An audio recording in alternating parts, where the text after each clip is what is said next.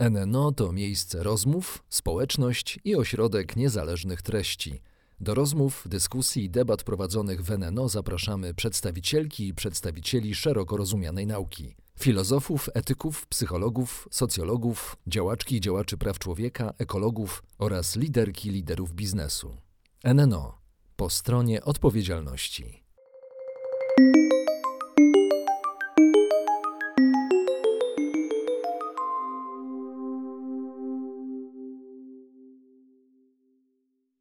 Dzień dobry, witam Państwa bardzo serdecznie i zapraszam do rozmowy z kolejnym gościem.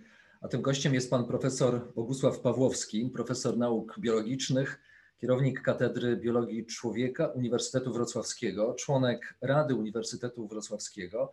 Muszę powiedzieć, że jeden z najaktywniejszych popularyzatorów nauki w Polsce. E, jest współzałożycielem i przewodniczącym Polskiego Towarzystwa Nauk o Człowieku i Ewolucji. E, lista zasług z pewnością mogłaby być dłuższa, niemniej jednak pozwólmy panu profesorowi dojść do głosu. Panie profesorze, dzień dobry, cieszę się bardzo, że jest pan z nami. Dzień dobry, witam serdecznie. Mi też miło, że będziemy mogli porozmawiać o ważnych sprawach, myślę. No właśnie, o ważnych sprawach rzeczywiście, bo mm, kiedy zacząłem się zastanawiać nad tym, jaki będzie kolejny wirus po koronawirusie, kiedy go pokonamy, no właśnie pytanie pozostało otwarte i chyba trafiłem pod najlepszy z możliwych adresów, e, ponieważ zajmuje się Pan biologią ewolucyjną, e, więc e, Panie profesorze, proszę nam powiedzieć, jaki będzie kolejny wirus po prostu?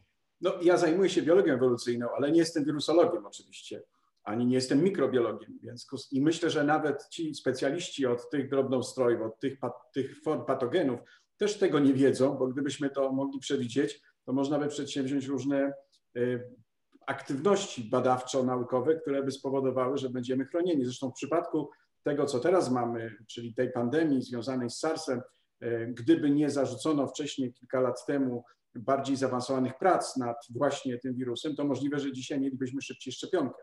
W moim, mojej ocenie trochę jest tak, że przy tym dużym przegęszczeniu populacji ludzkich, bo przecież mamy już nie ma około 7,5 miliarda ludzi na tej planecie, co w mojej ocenie jest bezprecedensowe z punktu widzenia tej drabiny, tej, tej piramidy ekologicznej, gdzie prawda, taki wszystkożerca jak człowiek, jak homo sapiens tak, e, tak liczebny, tak dużą biomasę ma. Co więcej, takie organizmy, którymi się żywi, jak na przykład bydło, jak e, trzoda chlewna, jak e, kurczaki, stanowią taką dużą część biomasy mm, kręgowców na tej planecie, która jest dużo, dużo większa niż biomasa dziko żyjących zwierząt których jest pewnie mniej już niż, jeżeli chodzi o masę, mniej niż 5, a nawet 4%.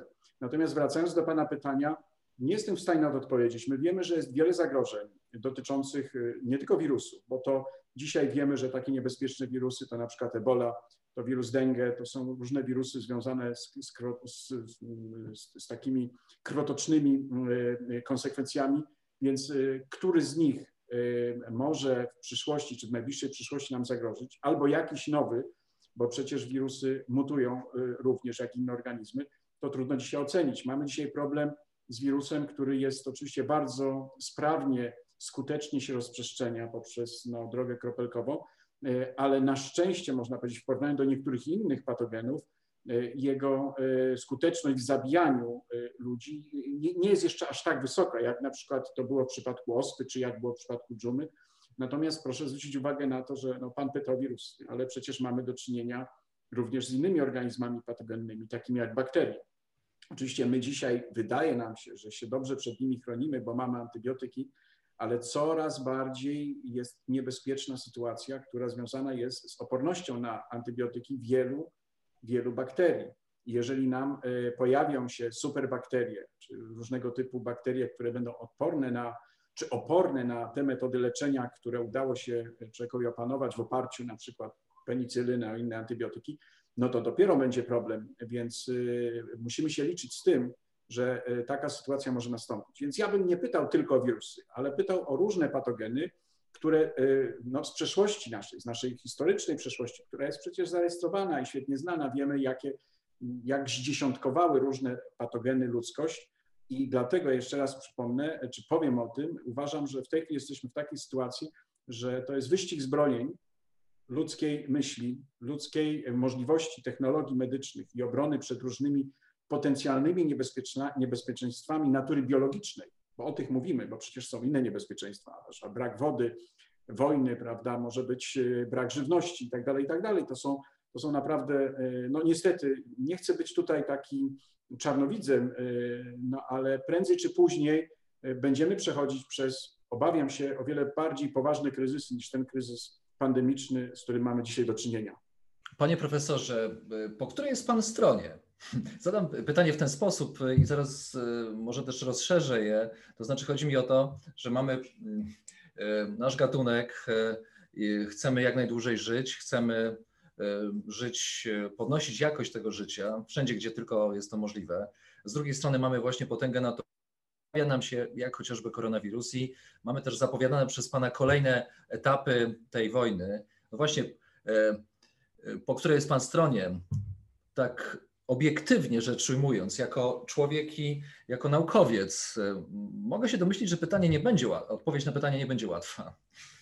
Znaczy ja, trudno mi określić, jakie są to strony. Oczywiście ja jestem po stronie biosfery, różnorodności całej biosfery, jestem po stronie homo sapiens, bo w końcu należy do tego gatunku i chciałbym, żebyśmy istnieli na tej planecie dłużej, niż wiele gatunków, które e, miały krótki żywot e, w kontekście ewolucyjnym i chciałbym, żebyśmy żyli dłużej niż w tej chwili szacuje się, że Homo sapiens pojawił się powiedzmy sobie około 300 tysięcy lat temu. Abstrahuję od tych debat i kontrowersji paleoantropologów i antropologów fizycznych dotyczących tego, czy inne formy Homo, e, to, to już możemy o nich mówić, ale nawet jako formy, które są no, jakby w bezpośrednim ciągu ewolucyjnym z Homo sapiens, ale tak czy inaczej jesteśmy bardzo młodym gatunkiem i to wiemy chociażby na podstawie zmienności genetycznej między ludźmi.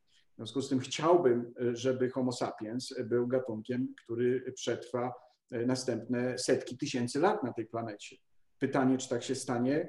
No, jeżeli będzie kontynuacja tego poziomu dewastacji e, planety przez człowieka, eksploatacji planety, tak i tak jakże intensywnej, i zanieczyszczenia tej planety, która doprowadza do redukcji bioróżnorodności i de facto wiele osób nie zdaje sobie sprawy, jak niesamowite, jak niesamowicie złożone są ciągi ekologiczne. I czasami wystarczy, że zabraknie jednego łańcucha w tym ciągu ekologicznym, często na przykład ostatnio się mówi o pszczołach, prawda, e, to, to, to dopiero wtedy odczujemy, jak poważne konsekwencje są tego destrukcyjnego wpływa, wpływu człowieka na, e, na biosferę na tej planecie.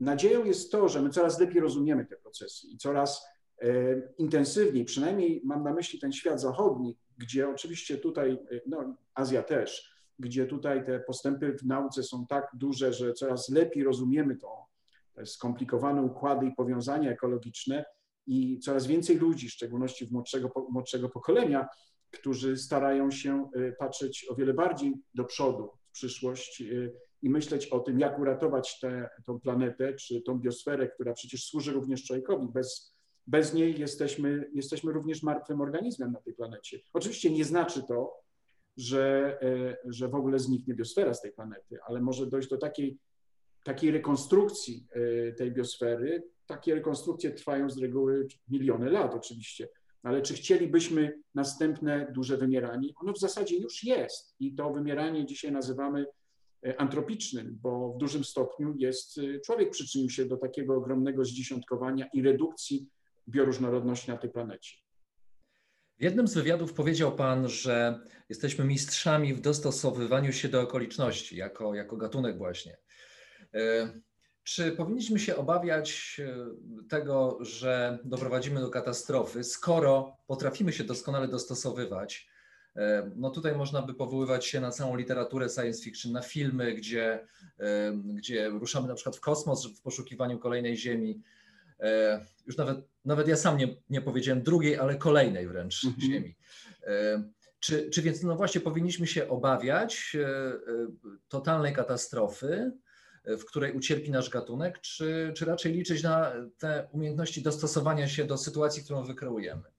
Ja bym powiedział tak, że jedno nie wyklucza drugiego. To znaczy e, to, że jesteśmy tak e, łatwo i świetnie adaptującym się gatunkiem do bardzo różnych warunków środowiskowych. I to wiemy, bo przecież jesteśmy gatunkiem, który zamieszkuje właściwie no, wszystkie kontynenty. No, i wszystkie warunki klimatyczne. Oczywiście czasami jest nas tam więcej albo mniej w sensie gęstości populacji, to wiadomo, ale generalnie jesteśmy gatunkiem kosmopolitycznym, czyli radzącym sobie we wszystkich warunkach. Ale skąd to się wzięło, można zadać pytanie raczej.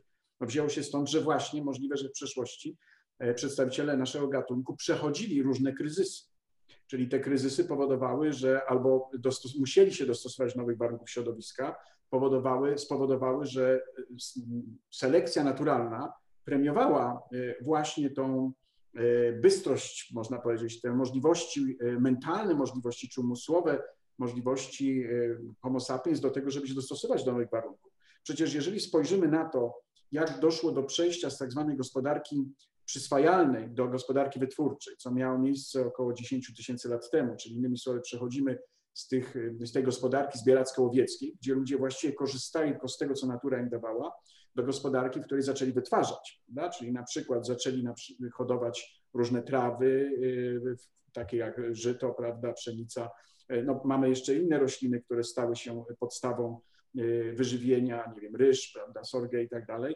E, fasola, w związku z tym to, a potem hodowla, więc przeszli na gospodarkę e, wytwórczą. I teraz, jeżeli się zastanawiamy na tym, dlaczego tak się stało, to przecież nie dlatego, że, że to był taki postęp wynikający tylko i wyłącznie takiej prostej, no, niby logicznej ciągłości zmiany. Nie, dlatego że doszło do pewnego kryzysu, na przykład braku żywności albo przegęszczenia w sytuacji właśnie tej gospodarki zbieracko-łowieckiej, więc do pewnego stopnia to był swoisty przymus. Bo proszę zwrócić uwagę, że na początku e, tej, tej rewolucji neolitycznej tak zwanej, e, te populacje miały się gorzej niż populacje zbieracko-łowieckie. My to widzimy na podstawie na przykład cech morfologicznych. Badając kości wiemy, że oni byli niżsi, że mieli więcej chorób.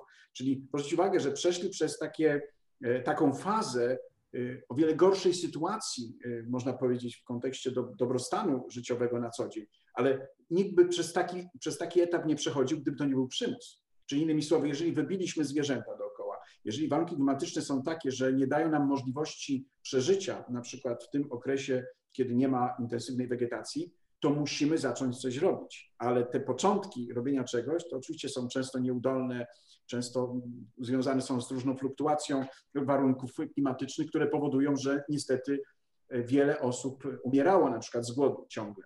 I dopiero jak żeśmy się jak lepiej dostosowali, czy lepiej nauczyli tych nowych technik e, wytwarzania żywności, dopiero zaczęliśmy, można powiedzieć, kwitnąć jako, jako populacja. I to nie tylko te populacje tutaj, powiedzmy, z Bliskiego Wschodu, ale ta rewolucja neolityczna niezależnie miała miejsce w różnych miejscach świata, w których występował już Homo sapiens.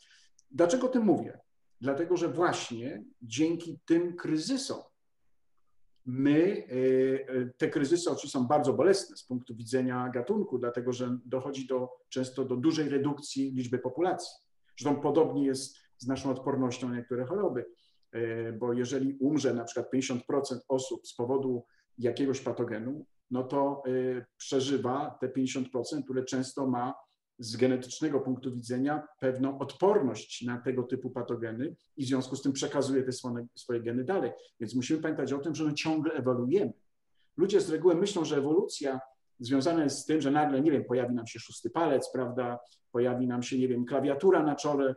No to są, to są absurdalne, takie futurologiczne, chociaż pan to pięknie e, rozumie, świetnie rozumie, bo przecież literatura science fiction e, e, pewnie tam znajdują się tego typu koncepcje, ale z punktu widzenia takiego e, realistycznego podejścia do zmian, to, to, to nie o to chodzi, to są mało prawdopodobne zmiany ewolucyjne. Natomiast e, my możemy obserwować te zmiany ewolucyjne w kontekście na przykład reakcji organizmu, reakcji na stres na przykład, e, reakcji na różne patogeny i tak dalej, i tak dalej, ale również to będą presje selekcyjne na niektóre strategie behawioralne.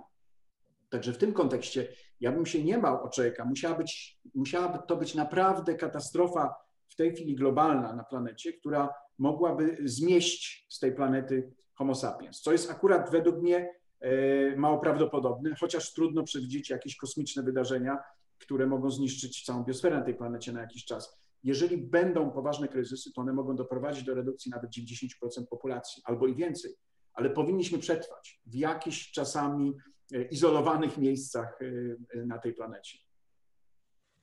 Zastanawiam się właśnie nad tym, to taka dygresja i też prośba właśnie, żeby Pan odniósł się do, do kwestii szczepionek, to znaczy kiedy e, szczepionka już e, spowoduje, że zaszczepimy 60 albo 70% populacji ludzi, to czy e, dystans fizyczny, ja zawsze boję się używać sformułowania dystansu społecznego, bo to może zrobić więcej szkody niż pożytku. Czy dystans fizyczny zmniejszy się do tej wielkości, którą znaliśmy przed marcem ubiegłego roku?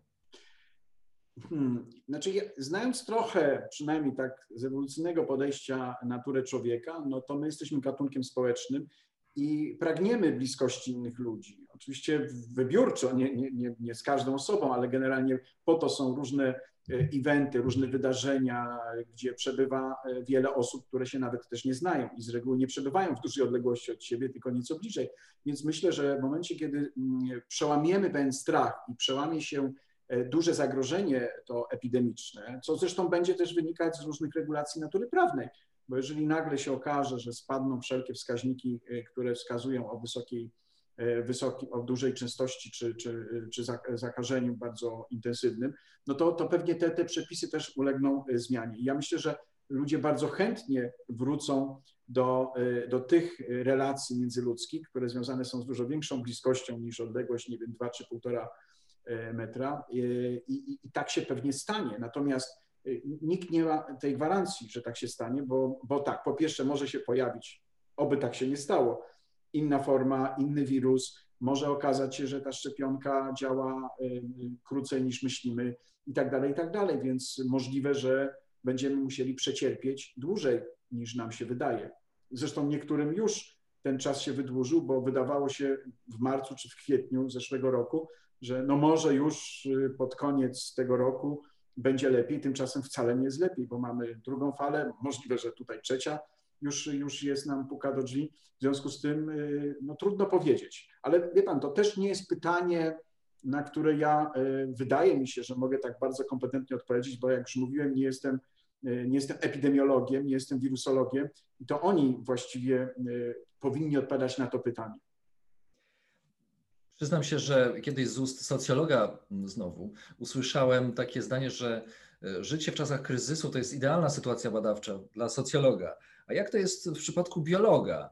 E, czy to dla Pana też właśnie jest sytuacja idealna? To wręcz przeciwnie. To znaczy, wie Pan, zależy czym się kto zajmuje. Bo jeżeli ktoś zajmuje się właśnie epidemiologią i nagle ma taki, no powiedzmy, warsztat badawczy w postaci populacji, wielu populacji i bada akurat na przykład to, jak rozprzestrzenia się wirus, albo jakie czynniki wpływają na to, w jakim stopniu on jest zakaźny, no to pewnie dla takich osób to jest, y, to jest szansa na to, żeby przeprowadzić więcej badań i one się łatwiej prowadzi, bo tak po pierwsze są wtedy środki na takie badania, po drugie ludzie chętniej dają się badać, no bo to jest coś, co wszyscy, o czym wszyscy myślą. Natomiast jeżeli ktoś bada inne kwestie, bo przecież biolodzy badają naprawdę różne, a ja jako biolog człowieka badam e, inne kwestie niż, niż e, te związane z wirusami, to mi to utrudnia badania, dlatego że trudniej mi na przykład zwerbować osoby do badań, w których my je badamy w bezpośredniej bliskości, to znaczy mierzymy, ważymy, badamy grubość fałdu skórnotłuszczowego, pobieramy różne materiały biologiczne, na przykład ślinę, czasami również pobieramy krew, żeby zbadać na przykład pewne cechy fizjologiczne. My badamy na przykład poziomy hormonów, hormonów płciowych y, przykładowo, czy badamy y, poziom hormonu stresu, ale badamy również re, reakcje na, y, na przykład na szczepionki w kontekście kondycji biologicznej danej osoby. No ale żeby to wszystko móc zrobić, to nie mogę tego zrobić zdalnie. Tak jak rozmawiamy z Panem, możemy sobie przeprowadzić kwestionariusz, możemy się dowiedzieć, dla socjologa, powiedzmy nawet psychologa, to jest narzędzie takie zdalne, jest akceptowalne z punktu widzenia metodyki naukowej. Natomiast ja muszę mieć badanego w swoim gabinecie, tak jak lekarz pacjenta. I z tego punktu widzenia, tak samo nasi studenci mają naprawdę poważne utrudnienia, e, nie są w stanie realizować tego typu projektów biologicznych, które wymagają bezpośredniego kontaktu z badanymi. Czy e, można mm, pomyśleć o tym, że mm, efekt nauki biologa, właśnie biologii biologa zajmującego się e, organizmem człowieka, E, określa naturę człowieka. To znaczy, że biologia jest tak blisko pewnych składników, które mogą świadczyć o no właśnie o, o człowieczeństwie. Proszę o, jak najbardziej. O, jak najbardziej. Ja właśnie jestem tym, tym biologiem, który no jest tak na granicy, interdyscyplinarny biolog, który jest na granicy biologii i psychologii. Ja w ogóle uważam, że gdyby dzisiaj powstała psychologia, czy nawet pod koniec XX wieku, to przecież psycholog zajmuje się kim? Zajmuje się organizmem żywym. Co więcej, zajmuje się pewnym aspektem funkcjonowania tego organizmu, organizmu żywego, a zatem e, właściwie konsekwencjami funkcjonowania mózgowia, czyli zajmuje się zdolnościami poznawczymi, zajmuje się osobowością, zajmuje się e, e, no nie wiem, postrzeganiem ryzyka, reakcjami organizmu, czyli, czyli behawiorem również. No, przecież proszę zwrócić uwagę, że biolodzy zajmują się tym samym tylko u innych gatunków. My jesteśmy zwierzęciem przecież i gdyby dzisiaj powstała psychologia, uważam, ona powinna być na wydziałach nauk biologicznych, bo przecież to oni zajmują się organizmem, czyli biologicznym organizmem. Więc ja tutaj nie widzę żadnych przeszkód, żeby biolog nie mógł się zajmować człowiekiem. Co więcej, e, to od kiedy biolodzy bardziej intensywnie zaczęli zajmować się również człowiekiem, no to mamy duże postępy w tej naszej wiedzy o człowieku, bo z jednej strony my dowiadujemy się dzięki na przykład neurobiologom, jak funkcjonuje mózg, prawda? My między, dzięki etologom człowieka e, zaczynamy rozumieć, w jakich okolicznościach, e, jakie są cechy uniwersalne na tej planecie, bo bada się różne populacje ludzkich, e, ludzkie, które żyją na różnym etapie zaawansowania, powiedzmy sobie, cywilizacyjnego i okazuje się, że wiele zachowań jest bardzo podobnych bez względu na warunki środowiskowe. My wiemy również wiele, na przykład na podstawie badań genetyków o genomie ludzkim i wiemy o różnych genach, które warunkują różne cechy, w tym niektóre, e, wiele genów warunkuje również nasze zachowania czy nasze, nasze reakcje. My coraz więcej rozumiemy, jak działa wpływ środowiska na, na geny i tutaj rozwija się bardzo intensywnie tak zwana epigenetyka, no to przecież to są osiągnięcia biologów głównie, a nie psychologów. Więc proszę zwrócić uwagę, że ja e, uważam, że naprawdę biolodzy mają wiele, wiele do powiedzenia.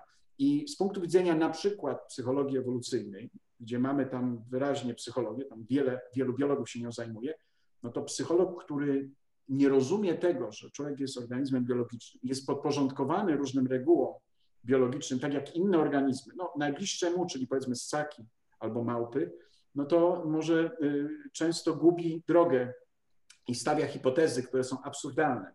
Dlatego, że na przykład nie rozumie, że y, zachowanie, które badał człowieka, albo reakcje, które badał człowieka, albo jakiś, jakiś no, proces, który gdzieś tam się pojawił, czy fenomen, próbuje go identyfikować i przypisywać, szukać jakiejś przyczyny, nie wiedząc, że dokładnie taki sam, y, to samo się dzieje na przykład u innych ssaków albo innych naczelnych. W związku z tym, używając brzytwy Ockhama, czy tak zwanej zasady oszczędności, która jest podstawową zasadą w nauce, nie należy mnożyć bytów bez potrzeby, y, gdyby psycholog rozumiał, że podobny efekt ma miejsce na przykład u innych ssaków, to nie proponowałby kulturowych wyjaśnień dla danego zachowania, tylko by widział, że y, to zachowanie ma jakieś głębsze biologiczne źródła.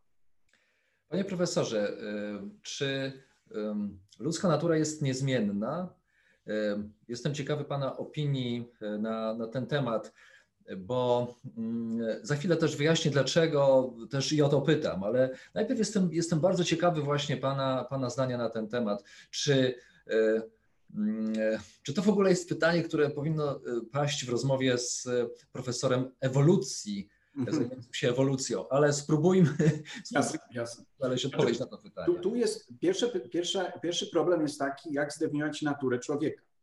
I tutaj jest wiele dylematów, wiele problemów na ten temat, ale powiedzmy sobie, że możemy to odnieść do innego gatunku. Możemy mówić na przykład o naturze szympansa. No w pewnym sensie tak, dlatego że wszystkie szympansy, chociaż są zróżnicowane między sobą w różnych kwestiach budowy ciała, reagowania, e, zachowań, to jednak istnieje pewien rdzeń cech, które e, charakteryzują ten gatunek. Prawda? To trochę tak jest, jakbyśmy powiedzieli, czy co to jest natura kamienia. Oczywiście kamienie mogą być różne, o różnej barwie, o różnej twardości, ale to są wszystko kamienie. Tym sensie, jeżeli znajdziemy taki wspólny mianownik, no to z punktu biologicznego jest oczywiste, co to jest natura człowieka, czy tam ten rdzeń tej natury jest. Ale oczywiście wiemy, że czegoś, co się jest takim czynnikiem, który często jest niedoceniany. że istnieje ogromna zmienność wewnątrz danego gatunku. I my czasami e, uogólniamy pewne cechy na cały gatunek, biorąc pod uwagę na przykład jednego, czy dwóch, czy dziesięciu przedstawicieli. Jeżeli ktoś mówi, że dany gatunek charakteryzuje się jakąś cechą, na przykład, że szympans potrafi się komunikować i jest w stanie się nauczyć prawda, komunikacji, no werbalnej nie, no bo ma taką budowę krytanii, że nie jest w stanie werbalizować, ale jest w stanie zrozumieć, to e, może się okazać, że jeden na 10, na 10 y, osobników jest w stanie y, posiąść taką, y, taką umiejętność, ale 9 na 10 nie. I teraz możemy zadać pytanie, czy to jest charakterystyczne gatunku, czy nie. My przyjęte generalnie w biologii jest raczej taka zasada, że jeżeli niektórzy, nawet przy, przedstawiciele danego gatunku, potrafią coś zrobić, no to się mówi, że ten gatunek jest zdolny oczywiście do tego typu na przykład myślenia, prawda, czy tego typu umiejętności poznawczych, które posiada. No i w tym sensie możemy mówić o naturze człowieka, bo gdyby tak nie było z drugiej strony, no to ludzie by się zbyt mocno różnili i wtedy trudno byłoby nam się dogadać. Wtedy trudno, żeby jeden człowiek rozumiał drugiego, żeby ten poziom empatii był taki, który związany jest z tym, jak funkcjonuje społeczeństwo ludzkie. Więc w tym sensie jak najbardziej możemy mówić o czymś, o czymś, co jest rdzeniem dla Homo sapiens. Ale tak jak mówię, my jesteśmy tak łatwo adaptującym się gatunkiem i tak dużą zmienność mamy wewnętrzną. Co więcej, te nasze reakcje będą zależeć od gęstości, bo na przykład strategie, czyli różne, różne strategie behawioralne mogą zależeć od tego, czy one są rzadkie, e, czyli zależne od ilości osób stosujących daną strategię, bo przecież nie, nie, nie patrzymy na gatunek jako coś, co walczy o przetrwanie. To było takie błędne spojrzenie kiedyś, jeszcze kilkadziesiąt lat temu, że na przykład mówiono, że rozmnażamy się dla, e, dla podtrzymania istnienia gatunku, co jest oczywiście e, bzdurą z punktu widzenia biologicznego, bo żaden organizm, nie tylko człowiek albo inny, nie robi nic dla czegoś, coś, co my nazywamy gatunkiem, prawda? bo gatunek to jest zbiór osobników, które mogą się krzyżować między sobą i dają płodne potomstwo, prawda? Natomiast większość zachowań oczywiście dotyczy naszego interesu, a ten nasz interes u gatunków społecznych będzie również związany z interakcjami z innymi osobnikami. Więc jeżeli Pan pyta, czy natura czeka jest zmienna, to oczywiście w dużym zakresie oczywiście jest zmienna, bo ludzie się zmieniają, bo ludzie są różni, to po pierwsze. Po drugie, mają, mogą się zmieniać w czasie trwania życia pod wpływem różnych y, doświadczeń życiowych, na przykład, pod różnych czynników środowiskowych. My przecież wiemy, że różne eksperymenty psychologów pokazują, że w różnych ekstremalnych sytuacjach człowiek się zachowuje w sposób, no my to nazywamy nieludzkim, czy staje się wręcz odhumanizowaną istotą. Y, no ale, ale to są ekstremalne sytuacje, które tylko pokazują, że biolodzy tutaj mogą to wyjaśnić, bo wiedzą, że, e, że instynkt przetrwania jest tak silny, że my jesteśmy się w, stan, w stanie posunąć do największych okrucieństw, jeżeli tylko e, e, umożliwi nam to przetrwanie na przykład. Więc to ja nie chcę tego usprawiedliwiać, bo to jest taki problem dosyć poważny, który biologom zarzucają nauki społeczne. Jeżeli biolog próbuje wyjaśnić jakieś takie jakieś zachowanie, tak jak ja w tej chwili, E, czy na przykład próbuje wyjaśnić, e, kiedy jest większe ryzyko dokonywania gwałtów i tak dalej, to nie znaczy, że on usprawiedliwia tego typu zachowania. To, to zupełnie inna domena i my musimy to odróżniać. To jest takie, to się nazywa natural fallacy, czyli taki błąd popełniany, że naturalista próbuje wyjaśnić jakieś zachowanie, jakieś reakcje albo jakąś zmienność w zachowaniu, to wcale nie znaczy, to nie ma nic wspólnego z aksjologią że on mówi, że to jest dobre. To nie jest dobre, dlatego że tak jest. Właśnie my mamy ten, y, tą korę mózgową i, i ten mózg tak rozwinięty, w szczególności kresomózgowie, że właśnie jesteśmy zdolni do tego, żeby w jakiś sposób kontrolować tego typu zachowania, albo wiedząc, dlaczego one w jakich okolicznościach mogą się pojawić częściej, y, zapobiec pojawianiu się takich okoliczności. I to jest ważne, bo to jest trochę tak, ja tłumaczę jak lekarz. Jeżeli chcemy coś wyleczyć, to musimy zdiagnozować to. A czasami biologom nie pozwala się diagnozować, bo, bo diagnoza wydaje się usprawiedliwieniem, a to nie jest usprawiedliwienie, to jest tylko diagnoza. Także oczywiście, jeszcze raz kończąc, e, jest w pewnym zakresie zmienna, ale musimy pamiętać również, że e, to nie jest, e, to nie jest nieograniczenie niezmienna, bo gdyby tak było, no to przekroczylibyśmy pewnie barierę gatunkową. Znaczy, e, wyobraźmy sobie, że w historii ludzkości powstało wiele komun, gdzie młodzi ludzie, e, nie podobały im się relacje społeczne ich rodziców, ich dziadków, bo e, były to negatywne często relacje, złość, agresja, nienawiść i zakładali różne komuny. Czy to były subkultury, jak nie wiem, hipisi. I takich komun w historii ludzkości powstało bardzo wiele. Proszę mi powiedzieć, czy któraś przetrwała? No nie przetrwała. Dlaczego? Dlatego, że nie wytrzymała próby czasu, dlatego, że na początku było pięknie, prawda? Młodzi ludzie, wszyscy się kochali, prawda? E, e, wszyscy próbowali pracować dla wspólnego dobra, ale po pewnym czasie okazywało się, że e, jedna pani jednak wolała mieć bliskie, intymne kontakty z określonym panem, a nie z wszystkimi, prawda? W związku z tym zaczynały się takie elementy, że ktoś zaczynał lubić niektórych bardziej, innych mniej. Potem dochodziło do podziału pracy. Potem ludzie zaczęli bardziej opiekować się swoimi dziećmi albo bronić swoje dzieci przed, innymi. W związku z tym te wszystkie komuny, one musiały się przekształcić w takie relacje społeczne, jakie znamy. A co to znaczy? To znaczy, że jesteśmy na smyczy genów. Bo gdybyśmy nie byli na smyczy genów, to utopijnie, można by, tak jak chcieliby konstruktywiści społeczni, utopijnie można by sobie wyobrazić dowolny układ społeczny, który mógłby nasz gatunek stworzyć. Ale jeżeli wiele tak E, e, z niesamowytymi ideałami, ideałami miłości komun się pojawiało i, i żadna nie przetrwała. No tutaj takie znane w historii e, komuna Soleilville czy komuna Oneida, które troszkę dłużej trwały, ale są komuny, gdzie trzeba było je dyscyplinować, tak jak w niektórych sektach, też nie przetrwały, prawda? Albo mają krótki czas trwania. Więc to pokazuje, że jesteśmy na smyczy genów. Oczywiście ona nie musi być jakaś bardzo krótka, ale, ale y, żeby przekroczyć tą barierę, wygląda na to, że musieliby musielibyśmy no, być nowym gatunkiem. A zmierzałem do tego, aby zapytać Pana o mm, y, możliwość y, mm, samodoskonalenia się człowieka, to znaczy w kontekście koronawirusa, bo możemy się teraz zastanawiać nad kruchością naszego zdrowia i życia, kiedy atakuje nas wirus który jest nieprzewidywalny jak e, wolny elektron. E, jego efekt e, u jednych osób jest nieduży, niewielki, inne znowu wpycha w bardzo duże cierpienie.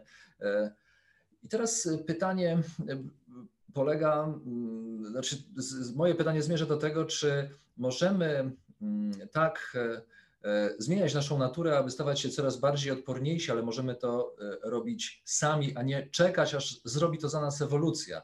Czyli, czy jest Pan zwolennikiem transhumanizmu? No, my właśnie cały czas to robimy, proszę zwrócić uwagę, bo gdyby nie szczepionki, które już znamy od, od, od 100 lat, powiedzmy sobie mniej więcej, e, no to, to, to, by, to by selekcja naturalna inaczej, bardziej intensywnie oddziaływała na nas. Przecież wiemy, że od kiedy pojawiły się różne e, technologie czy techniki medyczne, e, które umożliwiają nam obronę przed na przykład bakteriami, ale też e, przed wirusami w przypadku szczepionek, no to średni czas trwania życia ludzi byłby krótszy.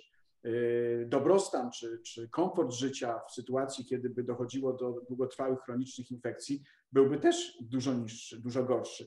Więc my jesteśmy już na takim etapie, gdzie mamy kulturowe, y, powiedzmy, narzędzia wypracowane dzięki oczywiście inteligencji Homo sapiens, które y, pozwalają nam, pozwalają nam się w dużym stopniu chronić przed tymi czynnikami presji selekcyjnej, naturalnej, z którymi mieliśmy do czynienia jeszcze stosunkowo niedawno. My czasami sobie nie zdajemy sprawy, ale proszę sobie uzmysłowić, że jeszcze w XIX wieku, czyli no powiedzmy jakieś 150 lat temu, niech to będzie nawet 200 lat temu, w XIX wieku w Europie e, umierało w pierwszych 4-5 latach życia prawie 40% e, dzieci. To, to był poważny czynnik selekcyjny. Teraz, gdyby ktoś powiedział, że, że 5% dzieci noworodzonych umiera, to by można było się złapać za głowę. To już od wielu lat ten procent jest dużo niższy niż 1%, jeszcze poniżej 1,1%. Więc proszę zwrócić uwagę, że my mamy taką wiedzę medyczną, takie możliwości techniczne, że my w zasadzie e, żeśmy się izolowali od tych czynników presji selekcyjnej, które były bardzo intensywnie. Ja już nie mówię o takich czynnikach presji selekcyjnej jak drapieżniki, prawda, e, które kiedyś istniały, jak, jak chłód, jak głód. Przecież e, znamy zresztą, no, nawet w Europie przecież w XX wieku było w wielu miejscach, na przykład na Ukrainie, gdzie, gdzie wiele osób zmarło, to był czynnik presji selekcyjnej, czyli były bardzo bardzo drastyczne warunki ekologiczne, które nie pozwalały tym ludziom przetrwać. I, i my dzięki temu postępowi, powiedzmy, który, który miał miejsce taki ekologiczno-ekonomiczny, powiedzmy sobie głównie, no to, to wydłużyliśmy długość czas, czasu trwania życia człowieka i to bardzo. Spowodowaliśmy, że dużo dłuższy okres czasu naszego życia jest komfortowy, chociaż ostatnie badania pokazują, że trochę z różnych powodów y, ten, ten, ten życie, szczególnie u seniorów oczywiście, y, y, skrócił się, chociaż dłużej żyją, to jednak nieco również proporcjonalnie dłużej to życie jest no, nie w pełnym komforcie, można powiedzieć takim. Więc, więc to, to niewątpliwie jest ten, ten efekt. Więc to, o czym Pan mówi, to jest, to jest tak oczywiste, że myśmy się izolowali. Natomiast to nie znaczy, jeszcze raz podkreślam, to nie znaczy, że w ogóle usunęliśmy wszystkie czynniki presji selekcyjnej. Bo widzimy, co się dzieje chociażby, to co Pan mówił, że niektóre osoby nie przeżywają niestety infekcji tym wirusem. Niektóre osoby naprawdę mają poważne, y, y, no, ciężko przechodzą, a nie wiadomo, wiele osób zaczyna mieć różnego rodzaju powikłania, co na pewno zmniejszy dyskomfort życiowy tych osób, więc y, to pokazuje, że mamy dużą zmienność populacji i ta zmienność populacji, jeżeli te, załóżmy ten wirus by dłużej trwał, to ona by doprowadziła do tego, że skład genetyczny pod względem niektórych cech, na przykład związanych z odpornością, z układem immunologicznym, po, w następnym pokoleniu byłby nieco inny. Nie jakoś dramatycznie może różnie, ale by się nieco przesunął. Więc z punktu widzenia procesów ewolucyjnych, to one trwają, tylko że oczywiście nie, nie są tak intensywne i nie jesteśmy w stanie ich zaobserwować tak tu i teraz. Poza tym one nie są spektakularne, bo to nie jest ten szósty palec, czy, czy klawiatura na czole, czy, czy prawda, e, coś, coś niesamowitego, e, co mogłoby się pojawić w kontekście morfologicznym.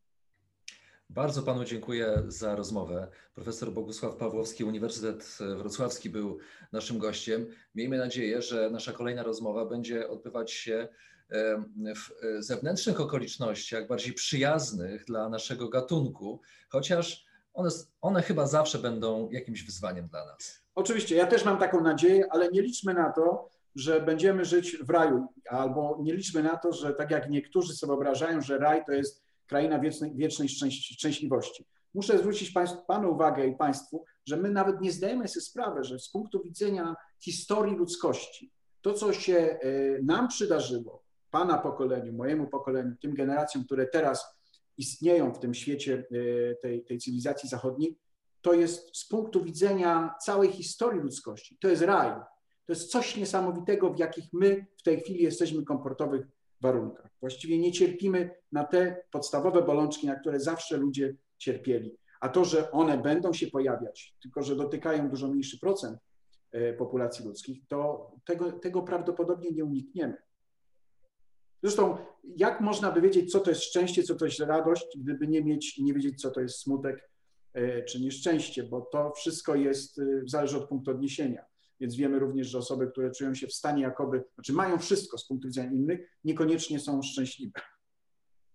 Więc życzę oczywiście e, wszystkim, abyśmy, aby na pewno ten rok e, położył kres tym wszystkim problemom pandemicznym, którymi, z którymi niestety zmagaliśmy się cały rok 2020 i żebyśmy potem odetchnęli od ewentualnych następnych tego typu pandemii, no bo dzisiaj na skutek globalizacji właściwie zawsze będziemy mieli do czynienia raczej e, z pandemią, bo epidemie lokalne to jesteśmy w stanie jakoś, e, jakoś no, tolerować, powiedzmy sobie, ale one też będą oczywiście i często występują, ale musimy się liczyć, że ta globalizacja spowodowała, że tak jak kiedyś były problemy lokalne i tam one dziesiątkowały ludzkość, to teraz musimy się liczyć z tym, że, że ten wspólny wysiłek ludzkości musi tutaj mm, być bardzo duży i wspólny, żebyśmy mogli walczyć z tego, tym, tego typu zagrożeniami w przyszłości. Raz jeszcze dziękuję za to. Dziękuję również. Dziękuję. Do widzenia.